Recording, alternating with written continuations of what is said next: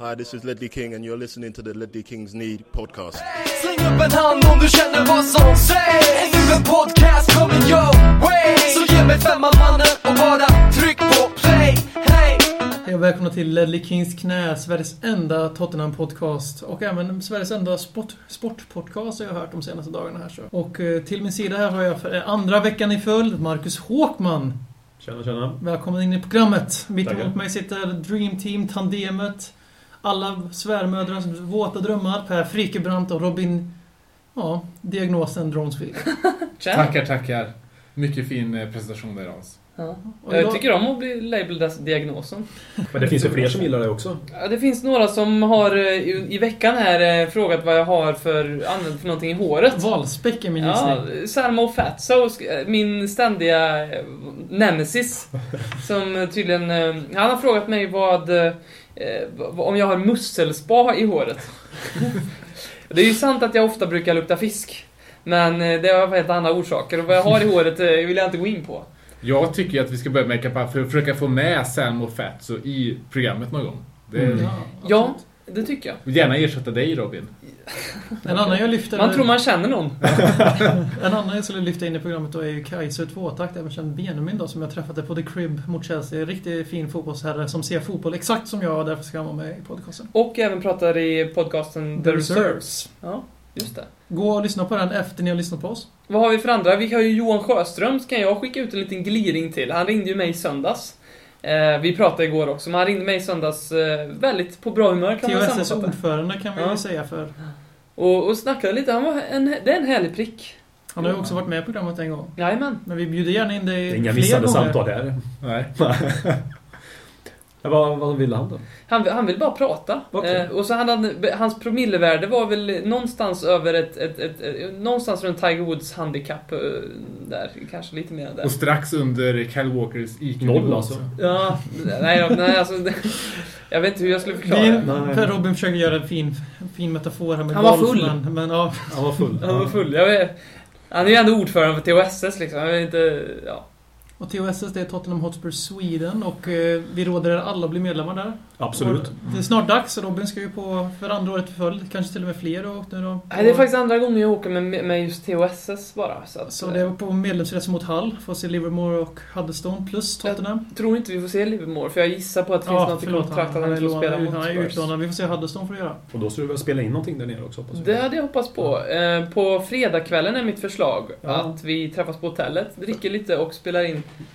Kanske kan bli en liten grusgrop mellan dig och och Fatso. Jag hoppas att Sen och Fatso är där. Ja, Och då- Fast det hoppas inte jag för Så- att då kommer eh, Rallarsving Robin kommer att inte vara med i podcasten veckan Då sitter och Fatso här eh, kommande tisdag. Som sagt, jag må se ut som på. Mr Burns i överkroppen, men jag har en jävla vilja. Du målar ut han själv. Ja. Du målades inte ut som det och dina egna ord. Okej, jag målade ut mig själv. Mm. Självporträtt. Ja, det är väl Ja. väldigt viktigt. Inte Ja. få oss att framstå som ett gäng mobbare, för det gör vi ju inte.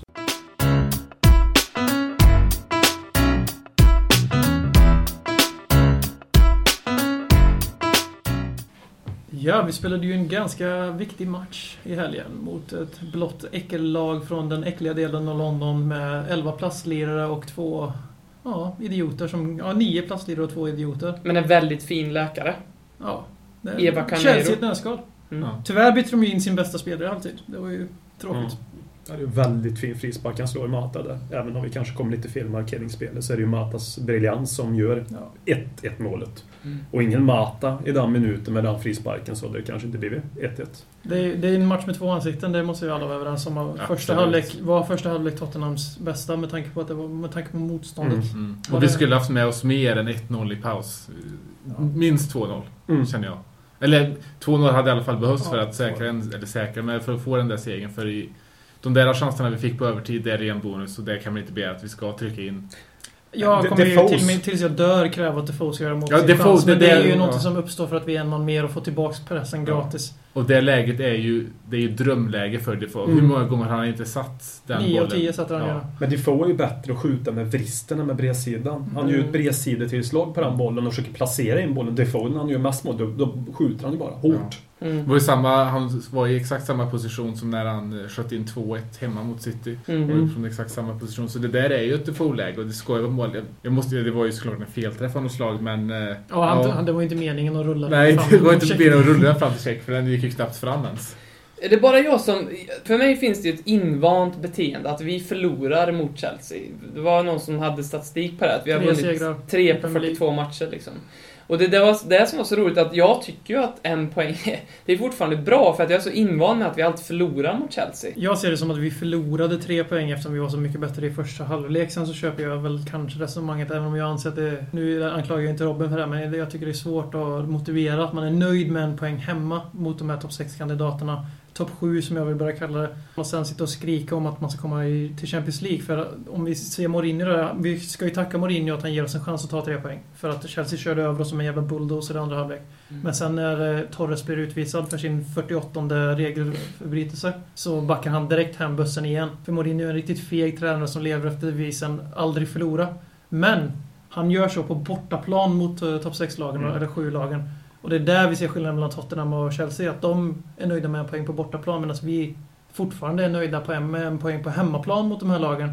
Samtidigt som vi sitter och skriker som småbarn efter att komma till topp 4 varje år. Fast vi inte förväntar oss att vi ska slå de andra konkurrenterna. Ja, jag, håller, jag, håller, jag håller med er båda två där för det som har transformerat mig som Tottenham-supporter på senare år är just att jag förväntar mig tre poäng på hemmaplan även av de här toppmotståndarna. Men samtidigt som när jag kollar över spelschemat inför säsongen så är de här matcherna aldrig någonting som jag budgeterar för tre poäng Nej. för. Utan när det är de som när är vi säger under- förväntar oss tre poäng så är det så att vi inte... Jag tror inte varken jag eller Per menar att vi sitter där och bara "Ha, vi vann inte, fy fan vad dåligt. Utan det är liksom att man kan inte sitta där och hoppas vi tar en poäng. Utan det är mer att tänka vi hoppas på tre poäng. Mm. Sen, eh, vi, det är klart vi inte kräver seger mot de här lagen. Vi är inte hybris så, men... Jag Jag undrar på det där med, jag hade den tanken, bara teoretiskt, det kändes som att vi skulle kunna stängt matchen på ett annat sätt om vi hade satt in Sandro tidigare när vi märkte att Mata liksom åt upp vårt mittfält. Och jag, jag undrar där om AVB, just i den här matchen, med Inte prestigen, Ja, att, han inte, att han inte vill backa hem mot Mourinho, att det var någon grej. För det vad han gjorde var att han, vi gjorde ju offensiva byten.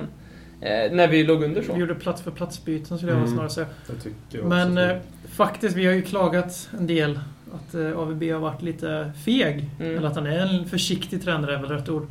Mm. Men just den här gången när vi kände, man kände att Sandro hade behövts för oss, just för att ta ut Mata då, som gjorde skillnaden i andra, från första och andra halvlek för Chelsea. Mm.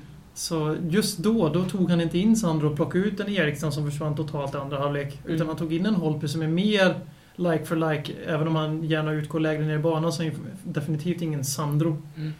Och det, faktiskt, men det var ju likadant med Townsend. Han såg vi också och han var ju, han var ju briljant i första halvlek. så- Och det var väl konstigt byte? Att Chadley kom in? Ja, inte, inte. Lamela kommer in. Ja, det var alltså, speciellt när Chadley kommer in på den kanten. Ja. Kommer in. Hade Chadley kommit in på andra På kanten vänsterkanten Mm. istället för Sigurdsson, då hade jag köpt. Men nu Mm. kommer ju Chadley in på... Nu skulle han spela Lamelas vanlig naturliga kantspelare plötsligt. Jag undrar om det hade något med fysiken att göra? Att han ser Chadley liksom som en starkare pjäs? Ja, liksom. men sen, nu- jag vet inte. Han kom ju från, han gjorde ju målmatchen innan Lamela såg Ja. trött ut mot Ja. Aston Villa. Så det var därför. Men- Men, Men, det, men trött det- liksom, det är en vecka mellan ja, matcherna. jag, jag håller med. Jag hade plockat sit- in Lamela. Men, Han, han sitter ju på bänken, så då, då, då ska han väl kunna spela, inte kanske 90 minuter om han är trött, men, men jag tycker också han ska kunna spela även om han spelar på tisdagen. Där. ja, jag håller med. Och eh, vi har ändå pungat upp Ja, med, med 30 som bonusar match. 30 miljoner pund för den här killen. Mm. Eh, Om vi ser ungefär någonstans Men det- ja. Och köper man en spelare för 30 miljoner pund, då ska väl kunna gå in och då ska man ändå tro på honom i tidigt skede och inte kanske spela in den till november. För så pass duktig är den här spelaren. Så jag, jag förstår inte att Chadli kommer före Lamela i det skedet i matchen. Är, när han kommer in, speciellt när han kommer in på Lamelas naturliga kant också. Mm. Mm. Jag, jag, fattar inte riktigt. Lamela 2013 är ju Loris 2012. Ja, exakt. Exakt. Eh, Det är ju det. Alltså, det. Han väljer väldigt konstiga spelare av våra nyförvärv att inte spela in direkt. vad, Alltså, vad, tror ni det beror på? För det, det, det, det är en sak som jag verkligen stör mig med, Jag med, vet, jag, vet, jag vet inte, det är inte matchfitness, för Nej. den har han ju. Ja. Det kan vara någonting på träningsanläggningen som inte vi märker av. Så att just att de kanske inte känns som att de kommer in i gänget på samma sätt som de andra. För han, var ju, han har ju hintat lite att Lamela har haft det svårt och Lamela Ja. ville väl inte lämna Roma egentligen heller va? Nej, det, det har, menar- men det säger Roma-fansen och det är för att försvara sig själva lite grann kanske. Men, men, Men, men, han hade inte skrivit på för Tottenham om det var så, så det kan vi ju Nej. skjuta i sank direkt. Men att det kan vara så att det är svårt för honom för han kommer inte in i gänget för han kan inte engelska. Mm. Han är väldigt, väldigt, väldigt... Alltså han har spelat i Argentina och sen i Serie A och så kommer han till väldigt fysiska Premier League. Det här går ju att säga om alla. Men vi ser lite lika med Floris som också är väldigt späd till även om man är lång. Späd. Och eh, han fick ju också vänta på sin tur men eh, det var samma sak där. Loris kanske inte riktigt kom in i kom in i gemenskapen. Nej, vi fick men den han fick, frågan. stå, han fick stå i North London-derbyt sin Samt, första ja, match. i samtidigt, så är, samtidigt är det så att Lamela konkurrerar om en plats där en av våra egna produkter har gått in och överbevisat, överbevisat sig själv och alla ja, andra. Ja, ja, Så det, det, det är då, så. och då, ska, är då, då, är det kanske inte, ja, då är det kanske inte det kanske inte är helt och hållet berättigat att starta då med Lamela. Kanske inte, men framför, eh, definitivt byta in honom. Det är liksom, ja, Ja. det är inget snack. Ja, det är ju där min poäng var. Alltså, om vi startar med Townsend i det här skedet som är på säsong med Townsend nu. Man gör en väldigt fin första halvlek också. Mm. Gör bättre bedömningar i sitt, eh, i sista tredjedelen. Han slår de här fina passen istället för som en, skjuter han varje såg gång. ut som en Premier League-spelare för Ja, första exakt. gången. Han var klok helt enkelt. Mm. Han var um, allt som Kyle Walker inte. Mm. Och då, då, då, då känns det ju liksom... Det, är det som är fel då att vi... Återigen, sagt det förut, sagt fem minuter sedan, men att vi tar in Chadli på den positionen när det är 20 minuter kvar. Det är det jag tycker är konstigt i Mm. den här matchen. Framförallt när Så- vi hade plockat ut Soldado som kan nicka in Charlies eventuella inlägg och spela med Defoe. Mm. Jag vet inte om det var den ordningen, men vi gjorde i alla Nej, fall det de bytena.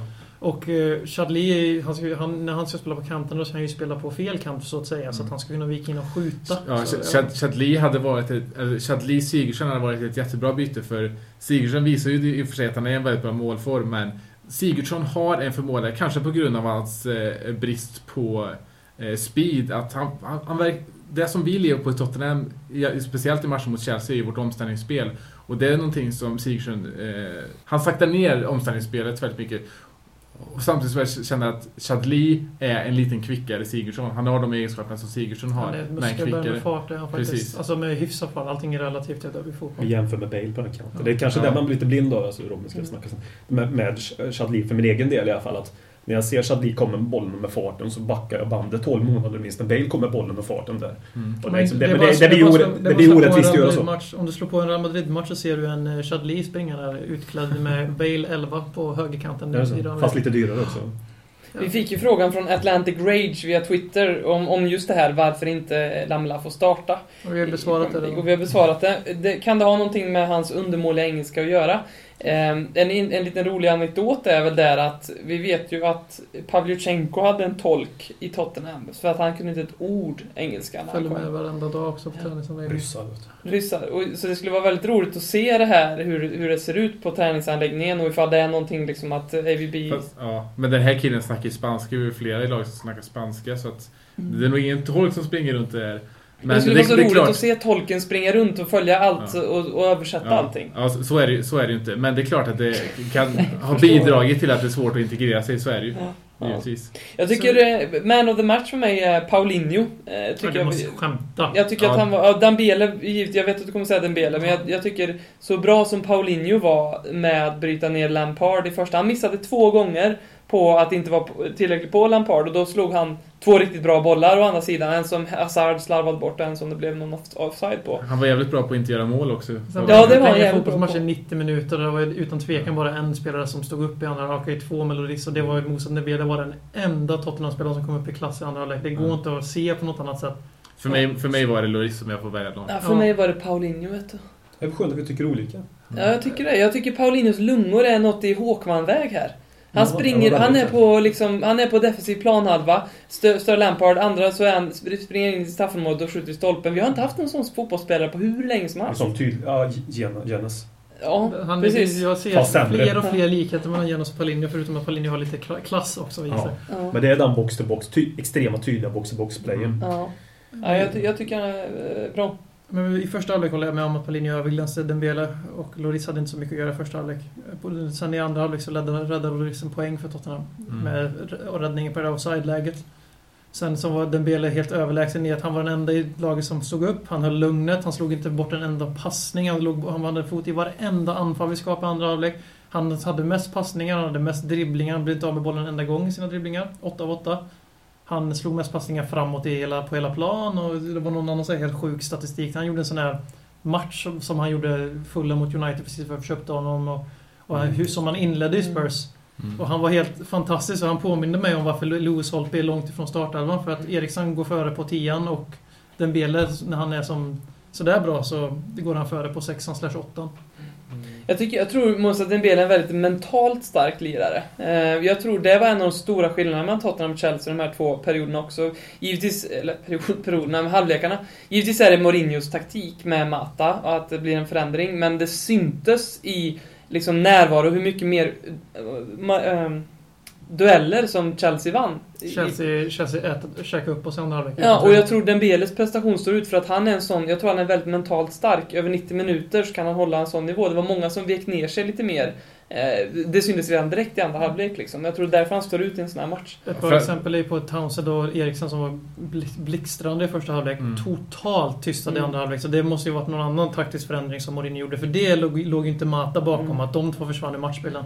Ja, Eriksson, var, Men- Eriksson var helt osynlig i andra Ja, halvlek. och Townsend, för Townsend blir ju utbytt ganska tidigt i och för sig. Men men- Holtby- Holtby- Holtby-bytet skulle kommit ännu tidigare. För där var det som du var inne på förut, det med omställningsspel. Vi blev ju tvingade att spela omställningsfotboll alla Redknapp i andra halvlek. Det var ju Hawaii-fotboll och det passade oss väldigt till under AVB. Hade vi haft Redknapp som manager hade vi nog vunnit med typ 3-4-2 i, i lördags. Mm.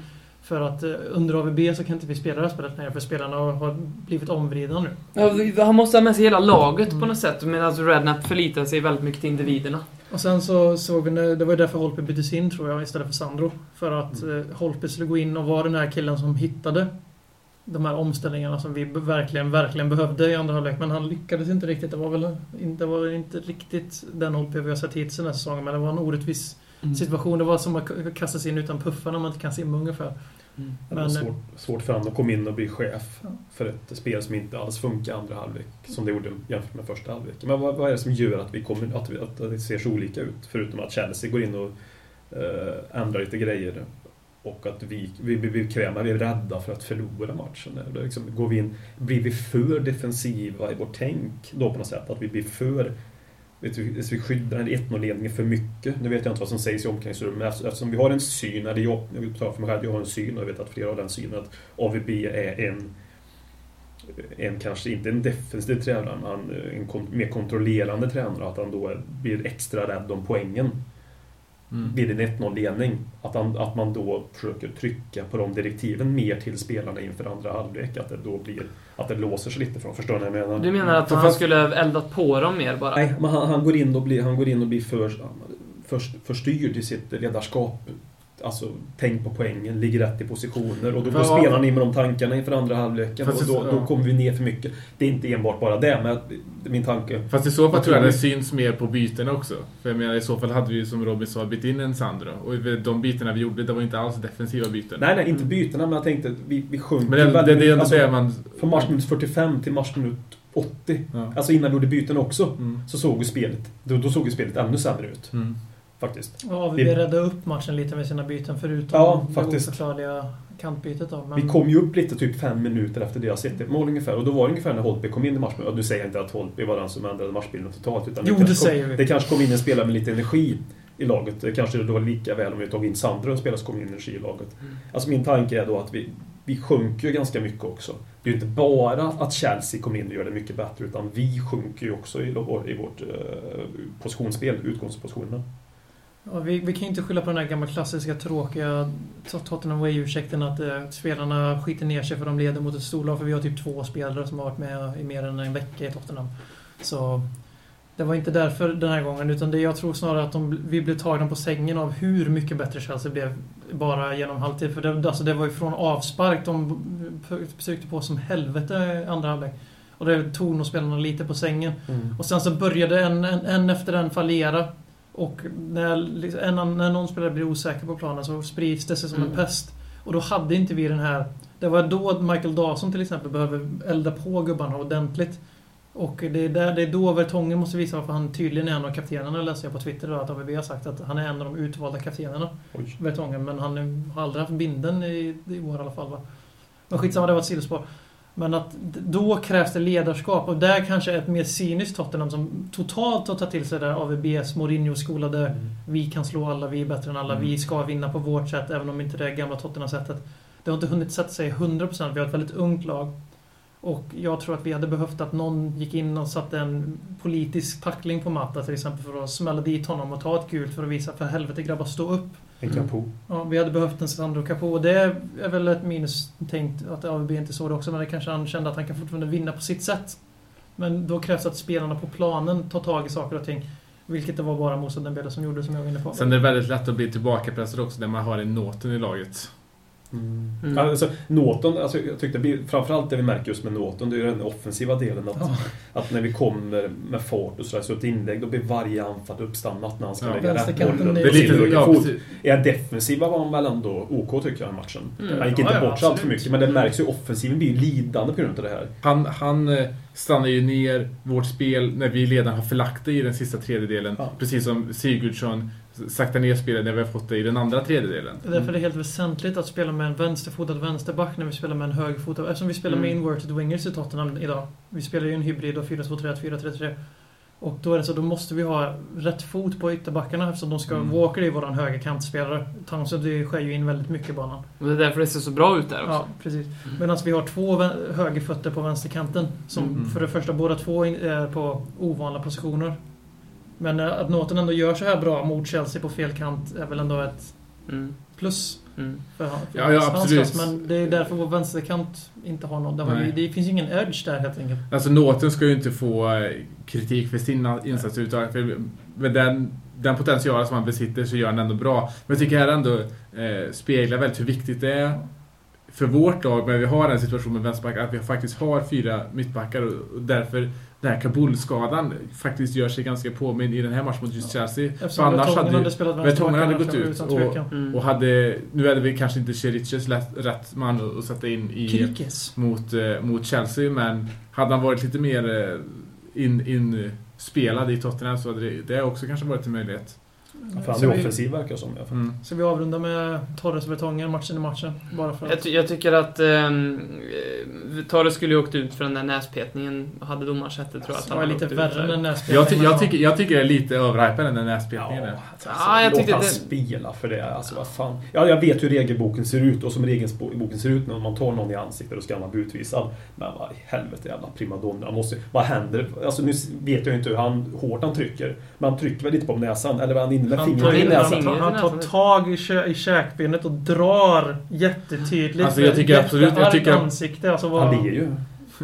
Jag, tycker det som är Vertongen, det som hedrar Vertongen är att där och då så reagerade inte Vertongen så starkt. Det hade han ju, han, ja, han knuffade han bara. Han hade ju kunnat liksom reagerat väldigt istället. Istället så sparar han sig och ja, filmar lite grann för att det, det såg ju inte ut som att, om vi ska vara helt ärliga nu, att Torres träffade så speciellt rent i hans panna utan det var en liten överspelning. Cool. Att han sparade det till, till, till senare. Det gula kortet han får utvisningen Torres är ju verkligen inget rött kort på Nej. eh, Fernando Torres. Det är ju verkligen inget rött kort på Fertongen heller ifall han nu skulle ha fått det. Det fick han inte. Men eh, jag tycker det, vad fan det blev så jävla mjäkigt. Låt dem stå upp och kämpa lite. Gå in och kolla på gamla klipp från 1992, 1982. då är det ingen som går och gnäller. Då, kan de nästan, då, då finner de en stolthet att stå kvar när någon försöker lappa till dem istället. Ja. Nu, nu ska det ju filmas, nu säger jag inte att Vertongen filmade.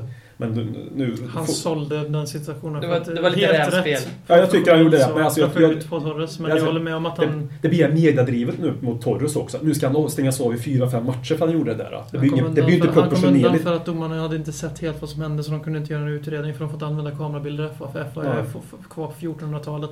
Men jag, Så jag han kommer tänker, undan. ja, det gjorde han. Men jag tänker ändå på det allmänna forumtugget. Mm. Som, som jag tyckte jag fick en bild av att folk tyckte, eller Ja. Twitterflödet för den delen också, att folk ville att han, nu ska han stängas av hårt för den här incidenten, den här superincidenten som vissa tycker var ett övertramp. Det är ju liksom, jag fattar ju när Suarez bet en kille i armen att han blev avstängd. Det, det är ju en helt annan sak. Ja, jag håller med dig. Vi går över till West Ham.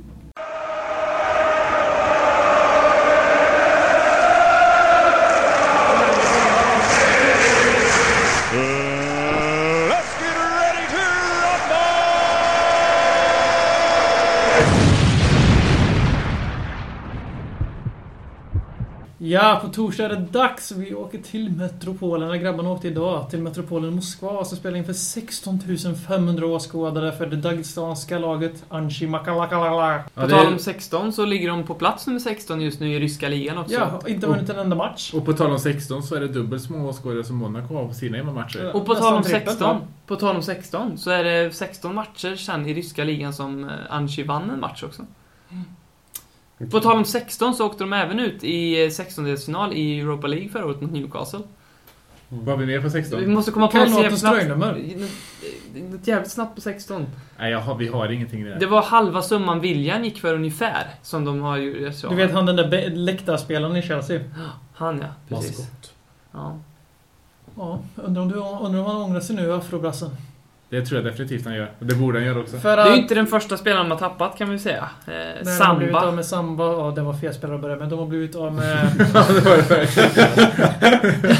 Eto'o, William, Eto'o, William, Kirkov. Sambo, Kirkov. Alltså all, de har helt enkelt det här superlaget som Anche blev. Vart gick Samba?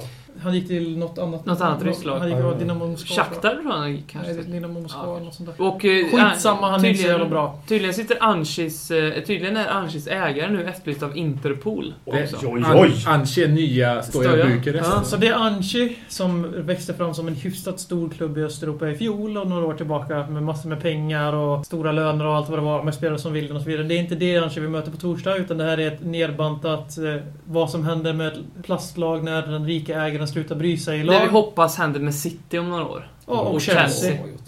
Skönt. Men inte Newport. Nej, nej, nej, Nej. nej. Inte för, men de är men, ett men plastlag. vi, ska, Men, vi vill ju köpa ihop, vi ska ju köpa Newport, det är min dröm. ja. Alltså Ledley Kings knä och deras Ja. lyssnare På ska tal om det, en jävligt skön grej. Sonny är en lyssnare som jag har snackat lite med. Han, Sonny Andreasson, eller ja, han är halvengelsk tror jag. Han äger, han är ju... delägare i Lewes. Ja, Lewis, i, i division 7 i, i, i England. Han har en väldigt härlig profil. Jag vet inte om vi pratade om det i, i podden någon gång, men det här med att man väljer lag på ett visst sätt.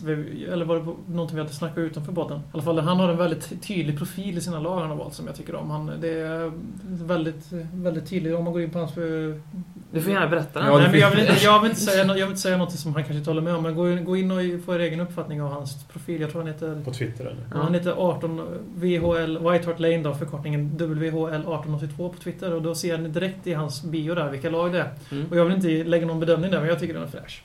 Snyggt. Vad var det med honom Robin? Nej, är att han var delägare i ett lag och Jaha. att... eh, Alltså vi ska bli delägare i, Ja, ja. Newport. Det, det är här vi kallar snack i periferin. Precis. Men eh, för att koppla delägande av Anchi. Nej, jag kommer inte på någonting. De Men i- spelar oavgjort mot Sheriff. De är inte särskilt bra. Men eh, en bortaresa i, i Moskva är aldrig lätt. Hard place to go. Ja, la, eh, vad, ja, Lamela från start. Dawson och Walker re- reste med matchtruppen. Det tyckte inte jag om. Jag tycker inte de ska spela. Ah, Men de kan ju få följa med i alla fall. Ja, de kan bli skadade på Det är träning. roligt att se i Ryssland. Ja, Moskva ska man inte säga nej till.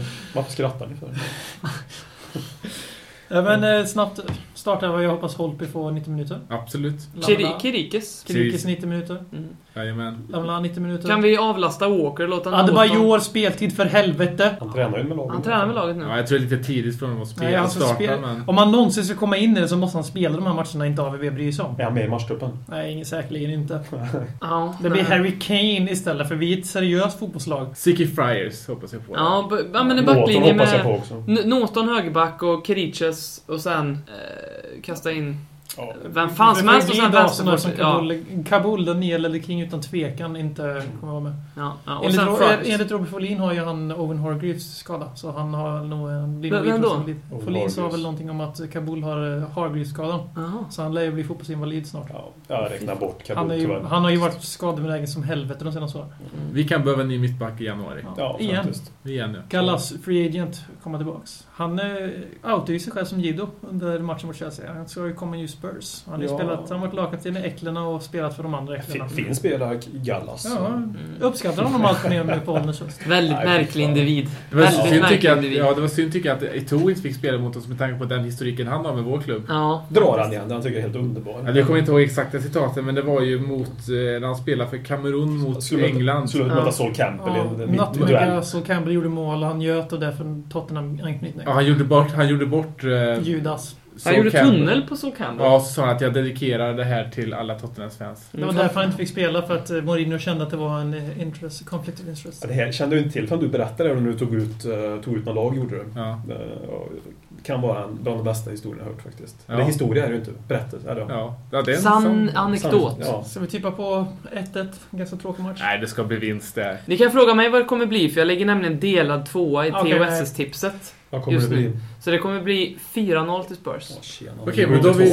Då har vi kommer, kommer, seglat den. Sol- kommer Soldado... Ska, ska, ska Soldado spela för Nej. att få hitta nätet igen? Nej. Nej. Men alla populister kommer skrika att det får vara bättre än Soldado för att han gör mål mot eh, division Ja. 4-lag ungefär. Men då får populisterna skrika där. Jag förstår fortfarande inte varför vi ska bänka den här 26 miljoners spelaren till förmån för en vertikalt hämmad engelsk anfallare. Det får, det får bli också bättre. Det får är bättre i dagens Tottenham. Vi använder ju Soldado fel. Men det är ju en annan diskussion. någonsin hört. Vertikalt hämmad. Ja, förlåt. Ja, fortsätt. Vertikalt, ja, du menar att han var kort nu Ja. fattar jag. Han var jättebra. Ja, tack. En applåd för uh, Fredrik Friggebrands signal Defoe. Jag gör inte en applåd och hylla Frykesson. Han gillar inte att... He's a sure though. He's a sure though. Ja, men det tar vi senare. Det här med att de börjar dela ut bannor på White Hart Lane. Det kan vi prata om sen. Mm. Efter det. Hawkman Show. det är alltid kul att spara saker. Jag skulle inte säga någonting om West Ham bara också. Oh, Jo, men nu förstör jag. Skulle precis säga efter Hawkman Show, men först West Ham! Vilken övergång! Drömövergången. en applåd för BLs förstår. övergång. En golfapplåd. Nej, nej, nej. Jag vill ha en eh, sån här artig slow clap. Nej men ja, ehm, West Ham, ännu ett London-derby. Man får ju inte nog av de här derbyna. Varenda gång vi spelar mot West Ham så, Det är så, deras cupfinal. så, så drar jag sig till minnes av den där matchen vi vann med 4-3 när Paul Staltieri gjorde av den. Varenda gång när vi ska till uh, Upton Park. Han hade näsan sätta för målen. mål. Jag kommer ju... Nej, jag har ju ersatt det målet nu då med Gareth Bales Wonder Strike i Nej. 92. Alltså. Nej. Jag, kommer- jag kommer inte Det ihåg det var- målet. Nej, jag vet inte vad du pratar om. Styltans mål. Ja, Omställningsspel. ja. De låg på 4-4 till omställningsspel och Ja. bollen kommer till Defoe. Som Ja. springer med bollen kanske 50-60 meter och skjuter. Och det är en retur på den som Ja. kommer till Stoltier som lägger in den öppet. Och det fina är att Staltieri... Ja, det var mycket snyggare än Bales. Fast nu när jag sa jag kommer inte ihåg det målet så var det en diss mot Gareth Bale. Ja, för, för er som Eh. inte förstod det så. Jag vet inte Men det, det var tack så mycket ändå. Jag- jag- jag vet inte Men det. Märker som ni märker har jag kommit längst i det här, de fem stegen efter Gareth Bale. Ja, jag vet inte vem Gareth Bale är, men däremot Paul Staltieri var en väldigt fin man. Och det som han även gjorde efter det här målet var att han sprang rakt in i gapet på alla sjungande jiddos där bakom och det var helt fantastiskt. Det, det finns ju något, man, man får ju hedra det jag gillar med... eh, Nu ska vi inte spela på Afton Park för sig, så nu då kan vi spara det. Men jag gillar Blowing Bubbles, det tycker jag är en fantastisk eh, fin inramning när de sjunger den. Jag faktiskt. tycker, Jag tycker det är fint. Alltså det är enda de sjunger också. Ja, det är alltså, det. det är verkligen enda Men de det, sjunger. det är bra drag när de gör Alltså det. jag måste, och det måste jag bara säga, när de tar upp de här små bubblorna. är det verkligen så vackert? Det är så jävla... Är det barnkalas vi Ja, är det är på, lite liksom? fjantigt. Det är otroligt Men, men jag skulle önska att vi hade en sån sång också. Så till, som vi alltid har i början på matchen, som alla Det har vi sjunger. ju. Inte riktigt. Nej, vi kör den här Star Wars-låten.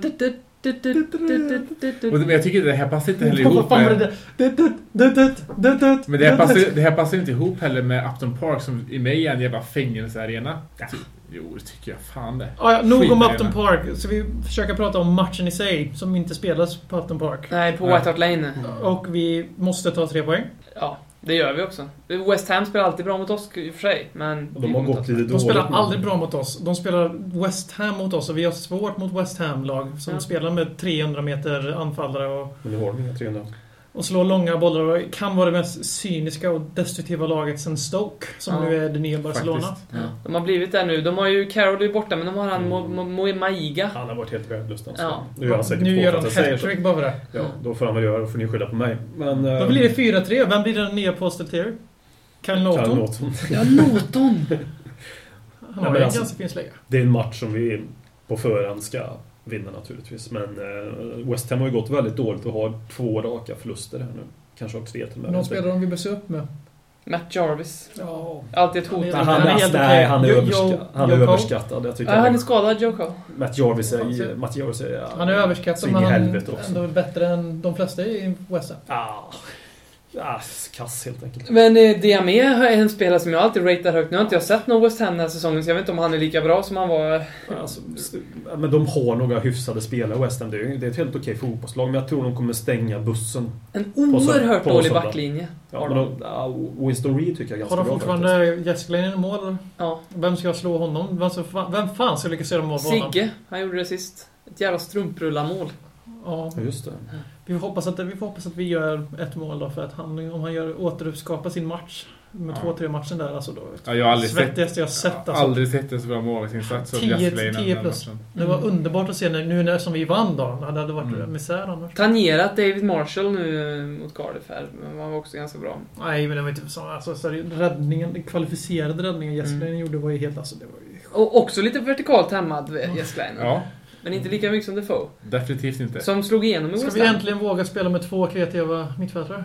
Du tänker Alltså- Holtby Eriksen tillsammans? Ja, varför inte? Det är ju, Och så det är ju såna här matcher. istället för... Dembele är ju uppenbarligen mer tvåvägsmittfältare än vad man tror. Och kanske spela honom, Holtby och Vi, Eriksson. vi vet ju att vi vill det, men det kommer inte hända. Nej, men om, om det är någon gång vi ska göra det, det är klart som fan vi någon gång under säsongen ska spela med både Holtby och Eriksen. Nog fan ska vi göra det hemma mot ett jävla skit Om vi lirar den här fyrtornsbacklinjen som vi alltid gör mot West Ham. Vi kommer ju spela tre mittbackar och Kyle Walker. Det är jag relativt Kommer övertygad om. Vlad spela? Ja, det tror jag faktiskt. Jag tycker han såg lite, lite för skakig ut mot Villa för att gå in i Premier League. jag. passningsspel hade han. Ja. jag. Vad, vad är skillnaden på att möta Wille i ligacupen och möta West Ham i Premier League? Du är en poäng. Ja, den Alltså- är det några mil. Nej, det där är en myt. Jag är lite orolig för den här matchen. Jag tror det kan bli en obehaglig match. Just för att jag tror West Ham kommer stänga den här matchen jättetydligt. För att det har gått lite sämre för dem sista tiden poängmässigt. Och de har släppt in lite mycket mål. De släppt in tre hemma mot Everton. Nu var det två jättefina frisparkar från Leighton Baines visserligen. Så jag tror att de kommer stänga matchen tydligt. Och det kommer bli en... Och att ett Sam Allardyce-lag som vill stänga en match kan verkligen stänga en match också. Och som vi har sett ut offensivt vissa matcher när vi har verkligen problem mot de här lagen som stänger matcherna och vi har gjort lite, lite mål. Jag tror jag kan bli kryss i den matchen faktiskt. Jag, ah, Nej, inte fan med. för Jag tycker, jävla. vi, jag tycker vi snarare inte. blivit bättre på att göra mål på de här parkerade busslagen. Även om det ser tråkigt ut så har har vi blivit bättre på att ta segrar av matcherna. Och vad- för, förr, förr i tiden när vi inte hade något va- vapen alls förutom individuell briljans. ja, vi har ju, alltså, ja, men alltså Crystal Palace vann vi emot, men det var ju sten, sax, påse. Ehm, till exempel. Cardiff var inte sten, sax, påse, men det blev en liten sten, sax, påse när vi gjorde mål i slutet och sådär. Jag blev lite räddad av de här gånggångarna kände jag lite grann på matcherna. Vi är, det jag känner att vi är ett väldigt ineffektivt fotbollslag. Det vi måste börja sätta våra målchanser. Vi, det finns inte en match där inte vi skapar minst två, tre högkvalificerade målchanser. Mm. Och vi måste sätta de målchanserna. Gör Det, vi det tror jag så- blir en catch-up-effekt för det här laget, när många spelare börjat Vi liksom... upplevde lite det mot Willa redan, en catch-up-effekt. Mm. Ja, Då gick allting in i andra halvlek. Mm. Jag tror det. När, när, när fler spelare blir i bra form, som Sigurdsson är nu, liksom, fler har Ja. Hittat självförtroendet och många har settled och, och sådär. Så. Det gäller också att använda spelarna på rätt sätt. Jag bara Mm. ägna en minut åt Soldado som jag tycker används på lite felaktigt sätt. Han används, som jag ser matcherna, lite väl mycket target. Eh, Kommer ner för mycket på honom, ska möta boll, fördela boll ut på kanterna. Han ska liksom nästan, nästan så vi ska spika fast den in i straffområdet. Fox in the box. Han har gjort, tror jag, 80% till sina mål Ja, på straffområdet. Det, det är nästan blivit så är- att Paulinho har tagit sådär Ja. plats i straffområdet. Utnyttja det, och det utnyttja det spelarna är köpta till att vara annars. Om man nu använder Soldado på det sättet i Du ser fortsättning. att då- Bajor då- spelar, eller hur? Ja, ja, det tycker jag faktiskt. Och framförallt har man ju gjort en bedrövlig scouting då på den spelaren. Då är det ju... Då, då, Jag, menar, Då är det- jag då är det håller helt med i om sådana om vi ska punga ut 26 miljoner för 28 år. 28 år i spanjoranfallare. Mm. Då måste vi spela efter hans styrkor, annars vill vi inte köpa honom. nej, det är helt För sinnessjukt. då känns det som 20 26 miljoner pund som Var vi lät för- Benteke första valet där, tror ni? Nej, det tror jag Nej, verkligen det var inte. ens, det var en, det var en icke-historia det där. Och. Benteke hade funkat bättre på detta spelsystem Mm. som vi spelar. Som vi har spelat Soldad hittills, som, Som, jag tycker. som det känns nu så känns det som att det är en 26 miljoners vendetta mot en man eller Bajor som inte ska få chansen att spela efter ett lag som är perfekt anpassat för hans spelartyp just nu. Det Adba- känns ju så. Är För mig känns det så. mm, är Bajor on, så att säga. Så är Bajor perfekt i det. Då det med- Han, han har ju genomgått någon form av förvandling rent eh, det- ja. spirituellt, Adebayor här. Ja, det vet fan vad han har gjort. Det nog bara han vill visa en sida utåt kanske. Där han får motbevisa först innan han har. För min del i alla fall. Men alltså jag tycker, återigen, använd Soldado på, på rätt sätt. För att han ska kunna leverera. För det är, liksom, är ju lite transfersnack, eller forumsnack. Och eh, folk pratar om att det är ett misslyckat köp än så länge. Ja, han har väl inte levererat som vi har önskat, men jag tycker det finns eh, klara anledningar till varför han inte levererat också. Han används inte på rätt sätt helt enkelt. Den enda matchen han fått spela Soldado-rollen gjorde han två spelmål mot ett skitlag i och för sig. Men Mm. eftersom Defoes mål mot dem värderas så jävla högt så ska Soldados mål mot dem också värderas lika högt. Köp Crouch. Ja, men det är dags att uh, Soldado är väl den viktigaste spelaren att få igång. Och då måste vi som sagt anpassa vår offensiv efter Soldado. Och så det börjar, det börjar bli dags att spela de spelarna som AVB, AVB har tänkt sig ska bära vår offensiv tillsammans. Nu spelar han Holtby Defoe som ett tandem. För att de är reservtandem. Och så spelar han Eriksson Soldado för att han vill ha en kemi mellan dem. Men vill han då, är det då Townsend ska bli den spelaren som hittar det här samma, samma, samspelet med de två? Eller är det dags att spela in Lamela? Så att han får lära känna de två spelarna och inte bara spela med B-uppställningen hela tiden. Mm. Sådana grejer. Alltså vi börjar ändå komma in i säsongen nu. Tror ni inte att, mm. tror ni inte att Lennon skulle funka jättebra med soldat? Jo. Jag Det tror tror jag. också det. Tror Mm. jag också. Du har soldat, alltså Lennon, du får... Alltså, jag, kan, jag, kommer jag, jag vet att han vill, han vill gå här in... igång här. Ja, ja, men du ska få uh, kapa sen. Alltså, du har en spelare, jag vet att han kan slå lite dåliga inlägg, men jag tycker han blir bättre på inläggen och han kan komma runt och slå sin gubbe på ett naturligt yttersätt och köra de här snitt in och bakåtpassningarna till uh, vår vän Soldado. Jag säger inte att det, att, det, att det samarbetet kommer skapa 20 mål, att han står för 20 assist eller något, men jag tror vi eh, skulle må bra av just... Ja. Mm. Ja. Jag, jag tror absolut, jag håller med dig där, för jag tror att Lennon i vissa lägen kan faktiskt bidra med det här och på så sätt göra Soldado bättre. Mm. Dock ty tycker jag verkligen inte att man ska eh, förlita sig på Lennon i framtiden bara för att han kommer ha en bättre relation med Soldado. För han går inte mycket bättre ihop med Eriksen eller någon annan Mm. på den kanten. Men har vi Eriksson eller Holtby så då är det Lamela eh, eller Townsend som ska spela den positionen. Eh, Men jag ser absolut vart det kommer ifrån och ja, det, skulle vara, det kommer bli kul att se det här samarbeten ändå i framtiden. Jag tror jag kan... Om vi någonsin får se det samarbetet. Jag tror Lennon har väldigt långt tillbaka in det startade. Ja, tror Det, det tror jag också, men eh, ja. Vi får se helt enkelt. Ska vi gå över till Walkman Show? Mm. Talkman show, Talkman show, Talkman, Talkman, Talkman show.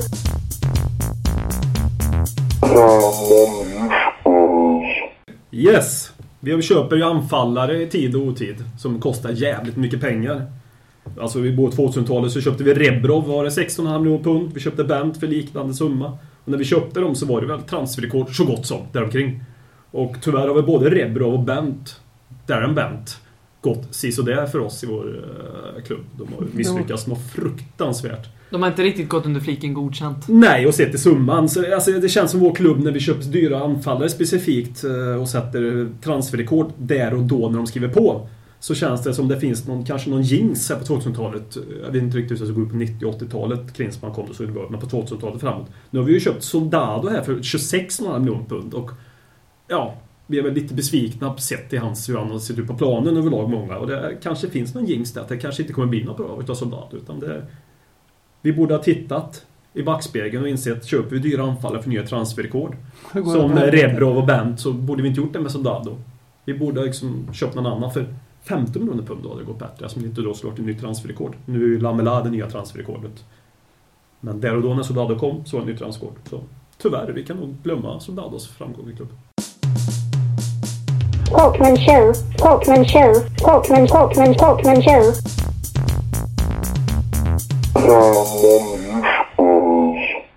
Tja, vi är Ledley Kings knä avsnitt, Jermaine Janas avsnitt, säsong två va? Mm. Paulinho. Ja, men eh, den nya på- Eller. Ginas som många säger. Vi tänkte testa något nytt då, där vi bara skulle ha en härlig diskussion om fotboll i stort. För vi känner att det blir så, det ska ändå spela in en 400 avsnitt den här säsongen och kan vara dags att prata om någonting annat än Spurs. Vi tittar ju på annan fotboll allihopa och vi, ja nästan allihopa. Robin sitter och skakar på huvudet åt mig nu. Och Jag har en fetisch. En nisch. Örebro. Ja, det är bara... Ja, ja det har börjat smygas. Men för, för mig är fotboll det är bara Tottenham. Tyvärr är det så. Det är det enda jag ser. Sen eh, kan, om jag blir bjuden på ÖSK-matcher, ja men då kan jag gå och se Har det. vi kommit överens om att han inte fyller kriterierna för den här podden längre? För vi, alla, vi andra tittar ju på varenda jävla fotbollsmatch som finns. Ja, det här har jag propagerat för i en hel säsong nu. Så det känns bra. Vadå? att vi- ska prata om detta ämnet eller? Nej, att vi- Jag att- avslutar Robin. Sam och Fatso får sin vilja igenom. Hashtag avgå Robin. It's because I got cash. ja, det är det. Ja, det är väl det enda du har på oss. Ja, fan. Nej, men i alla fall, jag var ju på, till exempel, jag var på Stockholmsderbyt. Trevligt. Mycket bengaler, härlig läktarkultur, en del slagsmål på läktaren. Som En härlig speaker som två gånger sa ja det är fortfarande inte tillåtet i svensk lag att tända bengaler och hade visat lite självdistans när de brände igång mitt under matchens gång och sådana grejer. Jag, jag har en Håkman Show-grej där. Är det så i Allsvenskan att man får ha reklam under matchen? Hur menar du? Alltså att det går reklamspottar liksom i högtalarsystemet under fotbollsmatch. För det är, det är ju superettan. Det har all... Ja, men vissa har det. Alltså, Jag har aldrig stött på på en svensk arena. jag har gjort det. Jag har för mig att jag hörde detta på, på Stora Valla, att Hörner blev sponsrade. Nu, Ja. nu får du någon som vet. Ja, nu får Ja. någon Här jätte folk hoppa blir in. inte Nu får någon, ja, nu får ni jättegärna korrigera, men jag vet att jag har hört det på någon arena när vårt runt, landet ryker runt. På, I Superettan, men jag har aldrig upplevt det på Söderstadion. Jag har upplevt det ett flertal gånger på Bern Arena faktiskt. Ja. Superettan. Okej. Ja. Men det, här- det här är ju ett sätt att eh, våldta sporten mer och mer. För det, jag har ju bott i USA, har varit på mycket sport i USA. Och där har de ju återigen våldtagit sporten rent kommersiellt sett. Där är liksom, I basket är det varenda uppkast, i hockey är det varenda tekning sponsras alltid av någonting. Och det är den här utvecklingen, alltså att vi ens ser det redan nu i Superettan tycker jag är skrämmande. Mm. Ja, det, stör, det stör mig under matchen, även om jag är, jag, jag tycker, jag är kommersialist. Men jag, det stör mig när jag ser på fotboll. Mm. Det, jag tycker det, det, det, det, det blir, det blir du är fånigt. ju en känd liberal och kommersialist förutom när det gäller fotboll, för då är du typiskt brittisk och konservativ. Mm. Det är 4-4-2, det är Defoe, det är Crouch. och Jag är en Det, hycklare, med andra ord. Det, det tycker jag Människa. det är väl alla människor är väl hycklare. Men Ja, exakt. Mm. Det står för att man är det i alla fall. Men en, en, en sak som, som faktiskt, just den moderna fot, mot den moderna fotbollen. Det är en rörelse som jag aldrig skulle kunna tänka mig att vara aktiv i. Ehm, jag, jag, jag kan tycka att det finns en charm, jag vill ju att fotbollen ska spelas så som den gjorde förr. Det, det tycker jag verkligen. Och, spelas? nej men att ja, char, charmen försvinner från fotbollen när lag som, alltså att man kan köpa en klubb som gjort med City och att det blir för... Mm. Charmen försvinner, det är jag med på. Men det jag känner, det är lite samma sak som hänt med med Spotify liksom. Mm. Eller med musikvärlden, att det är ett annat sätt att konsumera saker och ting på. Så när Spotify kom, då kände jag så här, fan. Jag, jag, jag tycker en, en CD-skiva och att köpa CD-skiva var det bästa som fanns. Och sen så tycker jag det var synd liksom att nu kommer det dö ut. Men å andra sidan så känner jag, jag orkar inte ta striden liksom. Det är därför jag tycker Led Zeppelin som är ett av mina favoritband, det är så jävla tröligt att inte de vill vara med på Spotify för det känns så motstridigt. Och det är därför jag tycker att, ja, men nu får jag ge upp och så här kommer det vara liksom. Så lite känner jag för fotbollen, att jag inser att det kommer att bli så här. Det, jag, tror, jag tror det är lönlöst. Men det, men det är för att när du snackar musikvärlden, då är det ett alternativt sätt att konsumera den här produkten Ja. på. I fotboll, det finns inte två olika fotbollsvärldar, det finns en fotbollsvärld. Precis. Och, och, och om, om den förgiftas, då förgiftas hela fotbollen. Precis. Och det är ju det man gör när man lägger in en stötaktion eller aktioner mot det. Man försöker att stoppa blödandet så gott det går. Liksom. Det är klart att det inte går att stoppa När det spelare, helt och hållet. när spelare tjänar 250 000 euro i veckan efter skatt i ett land som blöder ekonomiskt och folk har inte mat i ett europeiskt land Ja, det, en det, det, det är och orimligt en tycker jag. röd-gul flagga och köpte någon jävla walesare. Och att det också är medelmåttiga spelare som ofta tjänar de här stora Ja, summorna. det, det är det för mig i moderna fotbollen, att det här jävla skiten vid sidan om. Det är ju bara ett sätt att täcka upp de här absurda spelarlönerna och övergångskostnaderna. Och, jag menar visst, Tottenham, Mm. Tottenham har ju totalt eh, embraceat eh, modern fotboll nu. Ja, typ. Men vi har åtminstone ett företag som har en viss rim och reson jämfört med de här jävla extrema plastfallen. Och det är det som man märker nu när jag var på den här rymdarenan Tele2 att det, det, är liksom det här med charmen med svensk fotboll börjar börjar liksom dö väldigt fort också för det har man haft någonting att hänga fast i. Mm. Att här i Sverige står det still men nu nu, ja.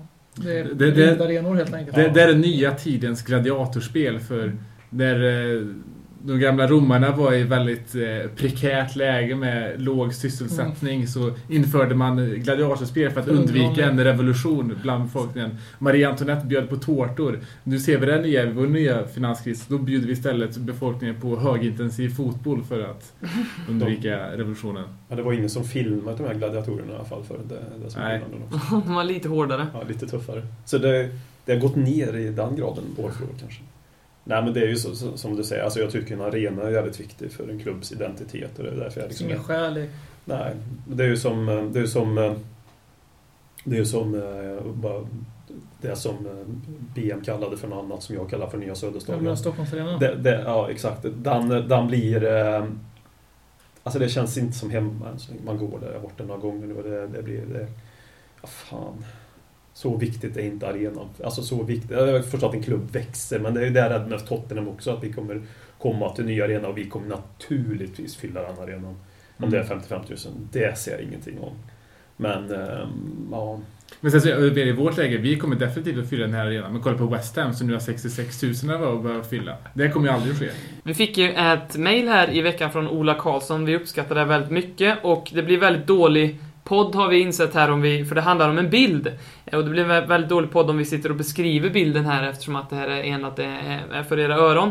Så jag tänkte vi skulle snacka lite om hur viktigt det är att hålla på ett lag och dessutom också känna till dess historia. Eh, För Ola här har skickat en bild till oss och frågar egentligen hur många det är vi, vi känner igen på den här bilden. Ja, det är ju några stycken vi känner igen som Alan Gilsin och Steve Perryman där och Martin Peters tror jag med där också. Eh, Men eh, ja, Hur viktigt är det att man kan såna här saker? Det finns två svar. Ett är att det inte är viktigt alls. För att det är viktigt om man ska heja på klubben bara. Du, du är en supporter och alla är lika mycket värda. Och nu när jag har tagit bort det där PK-svaret så kan jag säga sanningen att det är allt. Du har in, ingenting i en klubb att göra om du inte kan anse det någonting av alls värt att lära känna klubben. Så förstår jag inte varför, för det första förstår jag inte varför du hejar på klubben. Och även om du börjar din, ditt supporterskap, ofta är det ju en spelare som för att vad- det finns vi som inte föds i de här underbara städerna där de riktiga klubbarna finns. Utan eh, tyvärr i Falukorvslandet med en massa skittråkiga mediokra lag. Så framförallt vi som föds utanför storstäderna. Att eh, vi har liksom inte chansen att födas in i det. Och då är det så, då kan inte vi få den här lokala förkrypningen eller växa upp med en pappa som tar oss till White Hart Lane. Och då är det oftast en spelare som för oss till klubben. Men när väl spelaren har tagit dig dit, då är det enligt mig en plikt att lära känna klubben också. För annars, varför är du supporter? Varför tror folk att man inom sport kan gå och säga jag är en Tottenham-supporter, jag är en Giro, jag är det här, jag är si, jag är så. Utan att ha någon kunskap, men du kan fan inte gå på gatan och säga jag är rasist utan att säga varför du är rasist och sådana grejer. Du, liksom, det är samma sak. Du går inte att säga att du är någonting utan att vara beredd att förklara varför du är det. Du måste- Rasism var ett riktigt dåligt exempel. Jag menar, om du är sverigedemokrat och säger att du inte är rasist, menar jag givetvis. Så måste du kunna befästa varför. Jag, jag håller Det med dig. förväntas av dig, men i sport så är det bara, nej men jag hejar på det laget. Ah, okej. Jag håller med dig att, eh, att man, man, ska kunna, man ska kunna identifiera sig med klubben och kunna känna till den. Men sen så, hur detaljerad man Ja, behöver vara är en en annan sak. annan. För jag tror ju på 70-talet, den här bilden är tagen på 70-talet tror vi, Mm. vid, vid Uefa Cup-vinsten här 74, eller 73? 74. Wolverhampton var vi emot. Ja, Mm. precis. Eh, och frågan är då, på 70-talet, av de supporterna som var där och då, hur många av dem kunde någonting om det laget Tottenham hade ja, På 40-talet. 40-talet troligtvis inte speciellt mycket.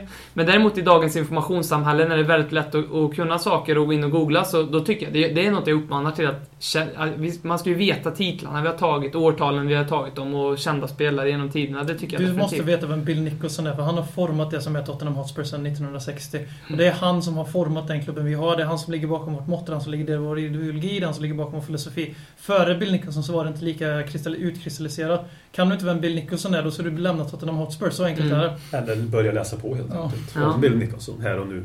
Om du hör detta och inte har gjort det tidigare. Men alltså, det, är ju det, här, det handlar om lite intresset också mycket man vill läsa på. Hur jävla fotbollsintresserad eller Tottenham-intresserad man är.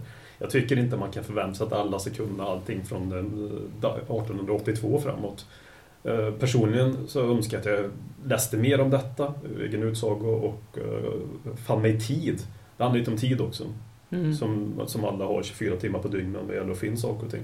Jag önskar att jag kunde läsa mer om det som har varit, och då menar jag inte det som var 1970, 1980, utan det som kanske var 1910. Som den här jävla sköna anekdoten som återigen Per drog upp, tror jag, eller vem det nu om det var, när det var BM som drog det här målvakten, Målvakten, ja. som gick upp och, gick upp och lappade till support. Fan, det är ju sånt man förkovrar sig i ännu mer. Eller sånt jag vill förkovra Mm. mig ännu i. Men det är ingenting jag tycker jag kan begära. Det man kan begära, det var det ni sa nyss. Det kan man det jag ville bara destillera, det jag säger som jag var väldigt aggressiv där. Ja, det jag menar att om du går verkligen ut och hävdar så jävla starkt att du är Tottenham-supporter, då får du fan vara det också. Men om du bara tittar på Tottenham för det är det laget du tycker bäst om och du tycker om att bli underhållen av fotboll, då, då be my guest, varsågod, vi tar gärna dina pengar också i klubben. Men hävda inte att du är någonting utan att vara beredd att faktiskt göra någonting för det också. Det, är var det jag ville säga. Det är intressant också, för det roliga är här att troligtvis Ola här, utan att veta för mycket om honom, är han ju troligtvis äldre än oss. Ja, det skrev han i och för sig att han var också.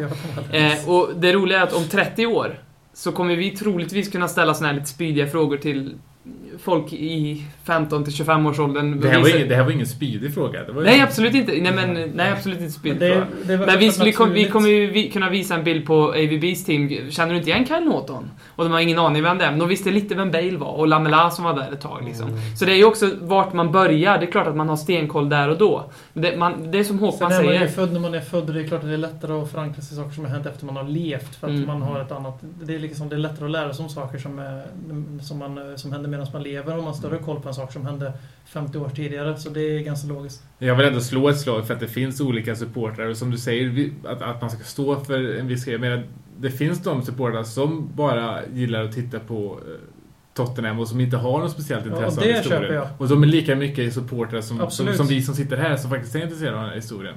Eh, så jag menar liksom, sen, sen, håller jag ju, sen tycker jag väl att om man håller på och Jid Army och sådana grejer, då ska man kanske ha lite mer koll om vad... Ja, det var det jag menar. Som, Vad- som vanligt uttrycker Per bättre.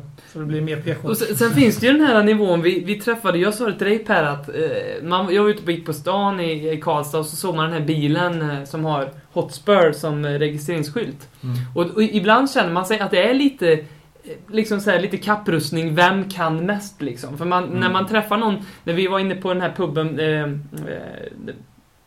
vi var inne på Bricklayers var vi senast. Ja. Eh, och man träffade svenskar där. Det första man tänker är, okej, vart är jag i kunskapsnivåer av- med de här alltså, supportrarna? Är de mer die hard än vad jag är? Och så säger någon någonting och så jämför man lite, kunde det där? Och så, man, det är ju en, en form av ja, Det är Jo, skillnad jo på men oss. det är ju... Ja, det är, armbrytning ja, liksom. men det är, det är ju det här, det här manliga kukmätartävlingen också. Det var det ordet jag ville säga, men jag tänkte att om jag säger det, då vill ni knipp, klippa bort det. Nej, kukmätartävling. Det beror på hur man Kukmätartävling. definierar vad en supporter är också. En supporter är Exakt. den som kan mest om historien, eller en supporter är den som lägger mest ner pengar och reser sett till på sin egen ekonomiska budget procentuellt. Är den som är mest engagerad i läktarkulturfrågor. Vad är, vad är en supporter? Det är också rätt viktigt. Mm. Alltså Björn Hellberg till exempel. Ni vet alla vem det Ja, ja, herregud. Han- Han kan ju säkert allting om Sunderland till att börja med. Han är ju stor Ja. Sunderland-supporter och Halmstad och tennis också. Som man vet.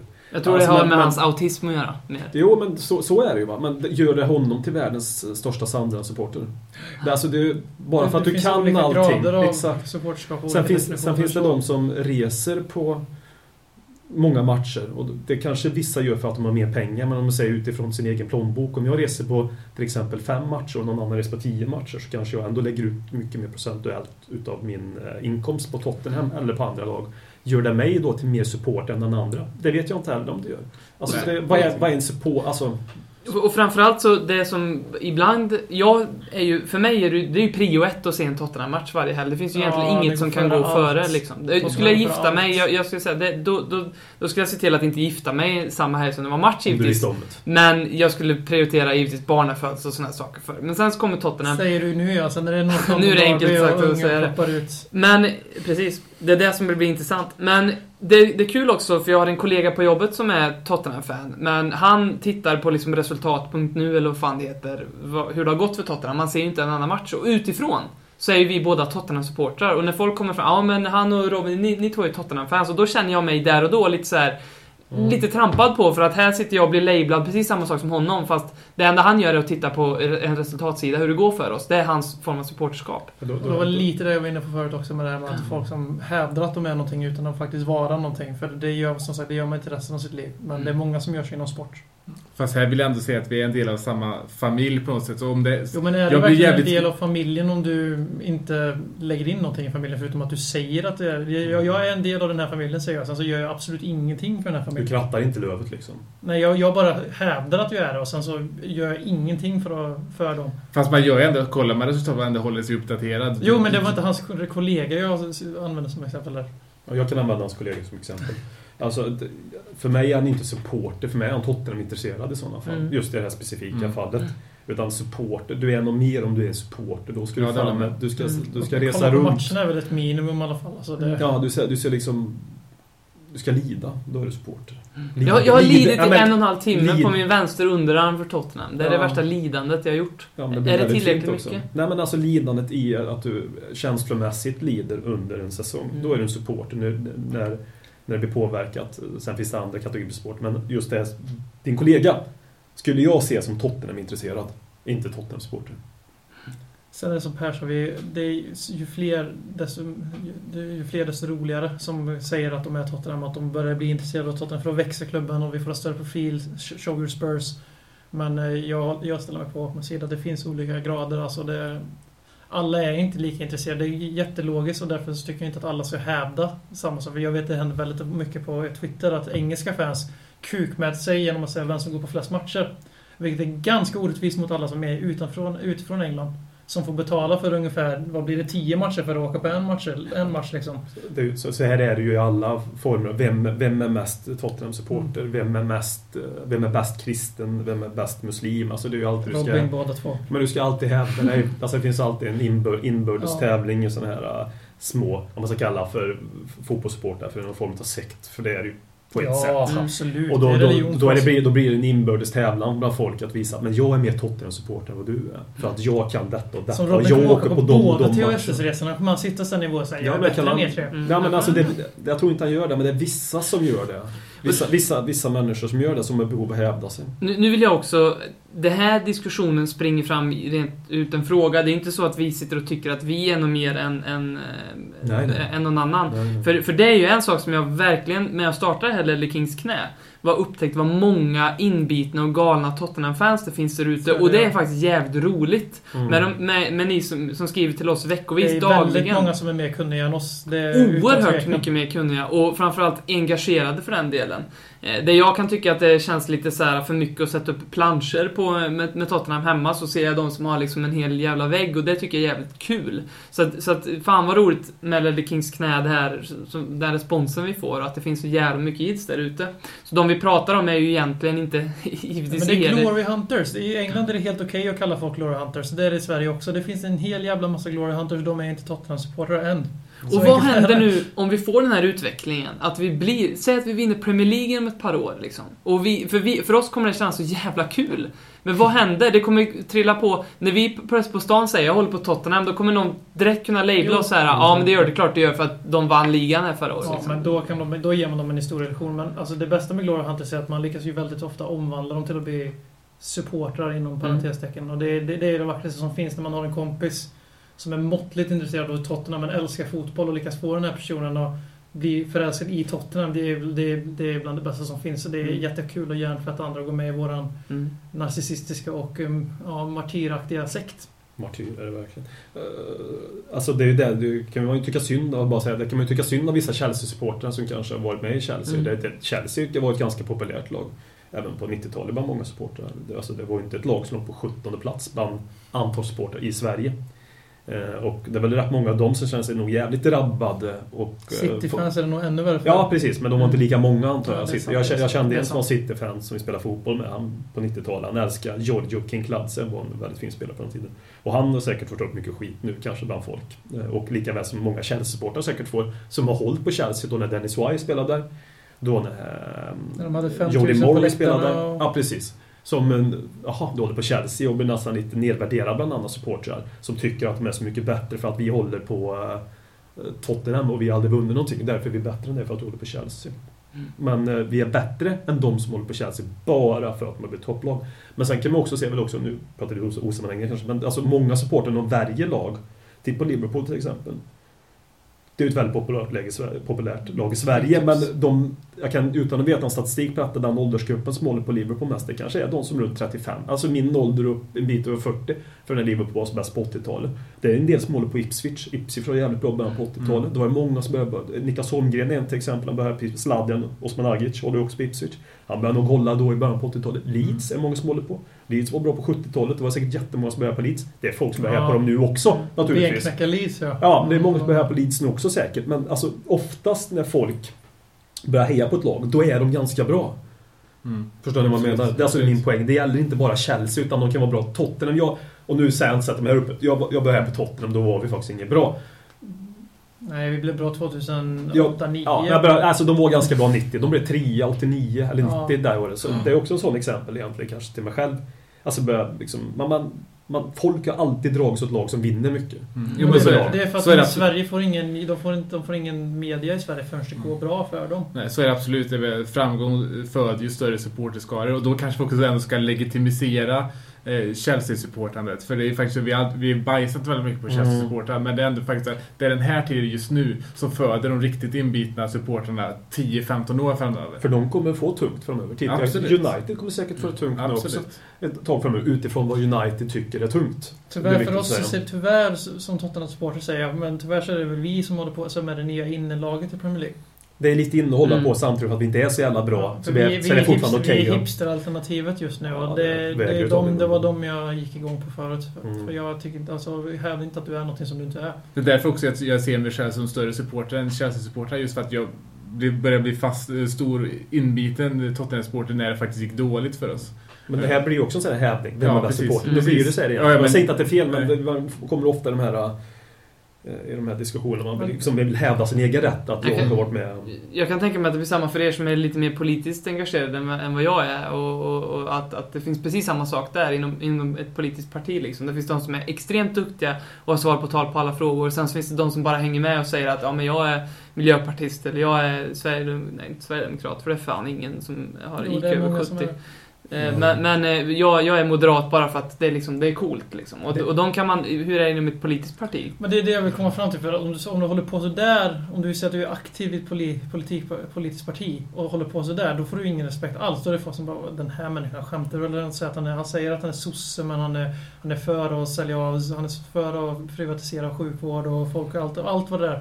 Allt sånt, alltså då, då, det är ingen som tar dem seriöst. Men i, i fotbollsvärlden då ska man vara så jävla PK. Så ska man acceptera människor som gör exakt samma sak som den här sossen då ju. Som står för allting Moderaterna står för man säger att han är sosse. Mm. Det är, liksom, det är det jag menar, det var det jag ville komma åt förut. Och det, vi, pratade, vi började prata i cirklar om det här nu. Så det, Mm. Vi pratar, alla är välkomna. Vi hoppas att alla som älskar fotboll, att alla väljer Tottenham. För vi tycker att det är det vackraste laget. Vi är hjärntvättade. Så kom hit, läs på. För det är alltid kul att veta om det som, ni liksom, som blir en stor, stor del av sitt liv. Det, man ska vara bekant med det tycker jag. Mm. Det, det sen vill jag bara säga, vi tänkte ju ha den här punkten som fotbollssnack, men det blev, det blev spontant ändå. Vi Mm. fastnade i ett bra ämne.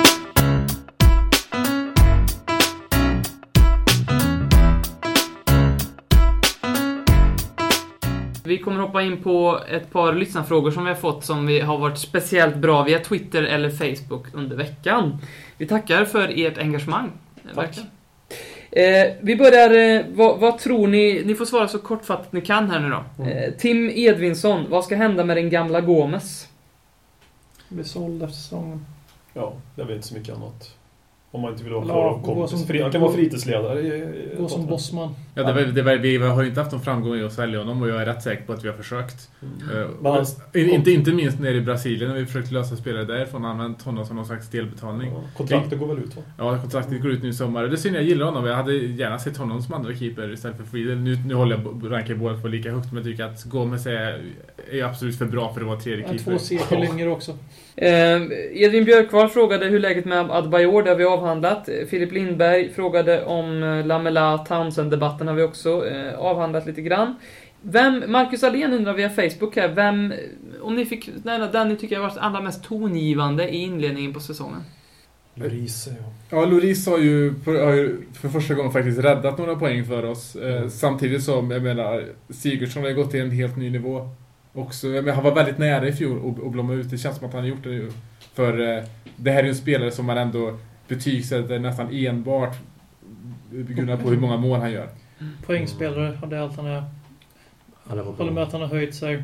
Säger Loris. Sen är det också det att Townsend har gått från att vara en, en liten junis till att faktiskt vara och bevisa att han har, hör hemma på den här nivån.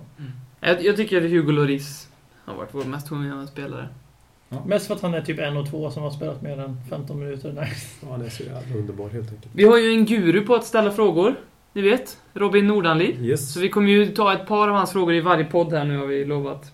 Så länge de håller en hög kvalitet. Dagens givetvis. Robin. Men det gör de. Dagens Robin. Eh, levererat av en Robin också. Lite roligt. Hur eh, jobbar personalen för att sammanfoga olika nationaliteter? Det har vi egentligen avhandlat lite grann. Men däremot, vem vill vi se som ny vänsterback? Danny Rose. Som ny vänsterback. Mm. Ja. Jag vet inte. Alltså, Danny Rose vill jag ju spela nu medan de vänsterback vi har. Sen har jag alltid en. Baines. Ja, exakt. Leighton, Leighton fucking Baines vill jag ha i Lukaku och Baines får gärna komma till Spurs. Kom. Fast Baines är ju liksom snart lika gammal som Friedel är också. Så jag Ja, nu är du hård. Ah, Han är väldigt ung, uh, Leighton Baines. Däremot är han 30 i. Håkman-åldern. Han är, han är Han är fantastisk Leighton Baines. Jag Jag är skiter ju- i om han är 80 år. Om han spelar så här bra när han är 80, då får han gärna spela tills han är 100 i Spurs. Ja, Leighton Baines är ju...